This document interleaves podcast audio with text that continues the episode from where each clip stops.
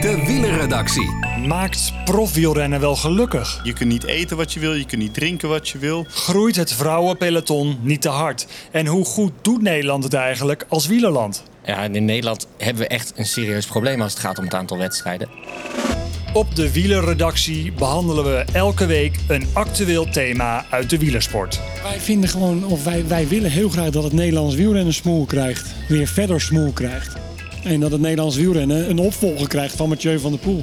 En van Demi Vollering straks. We stellen vragen en onderzoeken. En we komen tot bijzondere inzichten. Dus hier hebben al die renners onder gelegen. Ja, ja.